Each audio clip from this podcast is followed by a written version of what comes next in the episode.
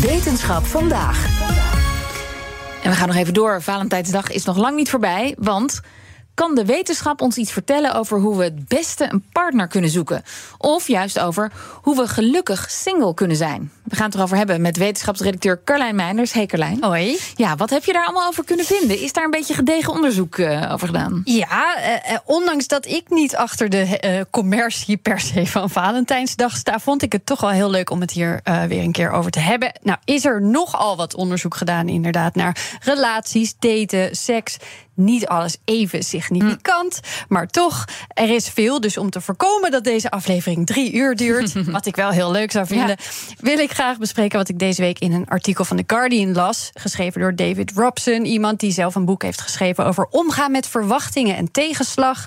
In dit artikel gaat het vooral over hoe we denken te weten dat iemand bij ons past. Ik ben eigenlijk wel benieuwd, hoe was dat voor jullie in het begin? Dacht je meteen, oh ja, dit, dit is het? Of groeide zoiets bij jullie? Groeide. Ik was eerst vrienden. Oké. Okay. Maar jou, Kees? Ja, ik heb... Uh...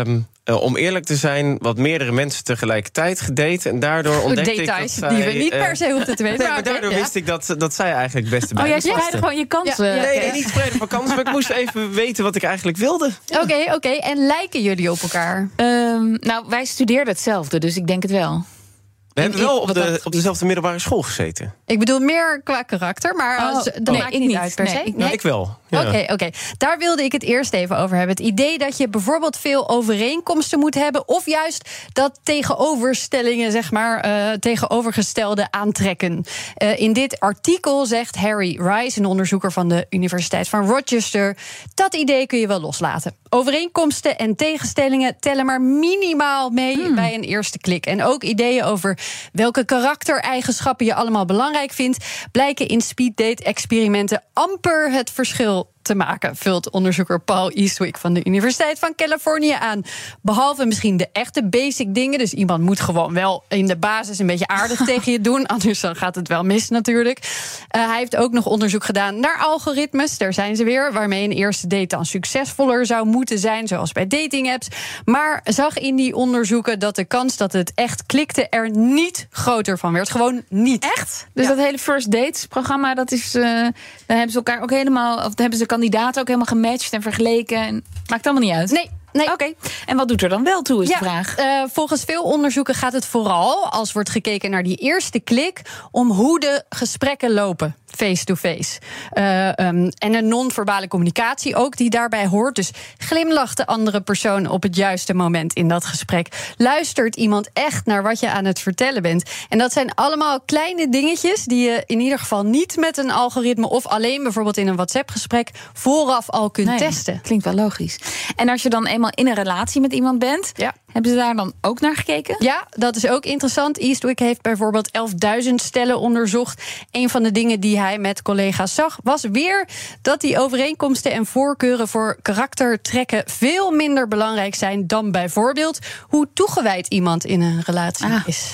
En nou, er luisteren ook vast mensen die gewoon heel happy single zijn. Ja, ja, heel goed dat je daarover begint. Gisteravond was er bij Studium Generale in Utrecht een prachtige avond hierover genaamd Hebben singles de toekomst? Ik zal een linkje online zetten. Het is terug te kijken. Er zijn namelijk berichten dat in 2055, geloof ik, 50% van de Nederlandse bevolking vrijgezel zal zijn. Hmm. Stel dat is waar, zijn we daar dan een beetje klaar voor? Niet echt, meent seksuoloog Marieke de Witte van de Universiteit Maastricht. Zij was gisteravond een van de sprekers. We hebben altijd nog het idee dat single zijn, dat heeft een negatieve bijklank. Daar zit toch nog altijd stigma en discriminatie rond. Het is een soort ja, toestand die zo snel mogelijk moet opgelost worden. Hè. Het is iets van voorbijgaande aard. We kennen het allemaal wel, dat iedereen op het moment dat je single bent, willen alle je vrienden en familie je zo snel mogelijk gaan koppelen, want dat is de voorwaarde om gelukkig te zijn. Dus in die zin denk ik dat onze publieke opinie daar toch nog een stukje moet, uh, moet veranderen. Van, hè, je, kan, je kan best gelukkig zijn als single, een relatie is niet de norm. Maar ook maatschappelijk, onze maatschappij is eigenlijk ook helemaal niet zo goed ingericht op singles. Hè. Het, het, woonprobleem, hè. Het, is, het, is, het is bijna onhoudbaar als je al die singles natuurlijk een aparte woning moet geven. Ja, de woningmarkt is er niet op ingericht. Uh, het erfenissysteem is er niet op, op ingericht. Hè. Dus zoveel dingen. Eh, ik denk ook, ja, bijvoorbeeld op restaurant gaan. Ja, uh, iemand die alleen een vijfgangenmenu uh, gaat eten, ja, dat, dat zou eigenlijk empowerment een heel sterk signaal moeten zijn. Maar wij zien dat nog altijd als, oh, zo zielig. Die persoon zit daar nu alleen te eten. Ja, klinkt ongelooflijk ouderwets. Ja, ja, ja, je, zou... zou denken, we zijn verder hier. Ja, ja, ja, dat dacht ik ook. wat we ook niet moeten vergeten, ook een conclusie van de avond, is dat er niet één type single is natuurlijk. Het kan gewenst zijn, het kan ongewenst zijn, het kan niet lukken vanwege hoge eisen of vanwege slechte ervaringen dat is ook iets wat we moeten onthouden. Ja. En deze Marike de Witte is seksuologe. Hoe zit het dan volgens haar wat betreft die groeiende groep singles en seksualiteit? Nou, wat ik in mijn omgeving merk is dat veel vrouwen rond mijn leeftijd, beetje tweede helft 30, heel erg bezig zijn met opnieuw ontdekken hoe heb ik nou seks? Uh, waarom doe ik het op deze manier? Doe ik dat eigenlijk voor mezelf of meer een beetje voor de ander? Mm. Uh, niet alleen singles overigens, ook binnen relaties. En dat herkent de Witte ook wel. Dat ziet ze als iets positiefs. En ze hoopt dat hier voor de volgende generatie nog veel meer ruimte voor gaat zijn. Je ziet inderdaad, er is een inhaalbeweging bij 35, 40, 50-plussers.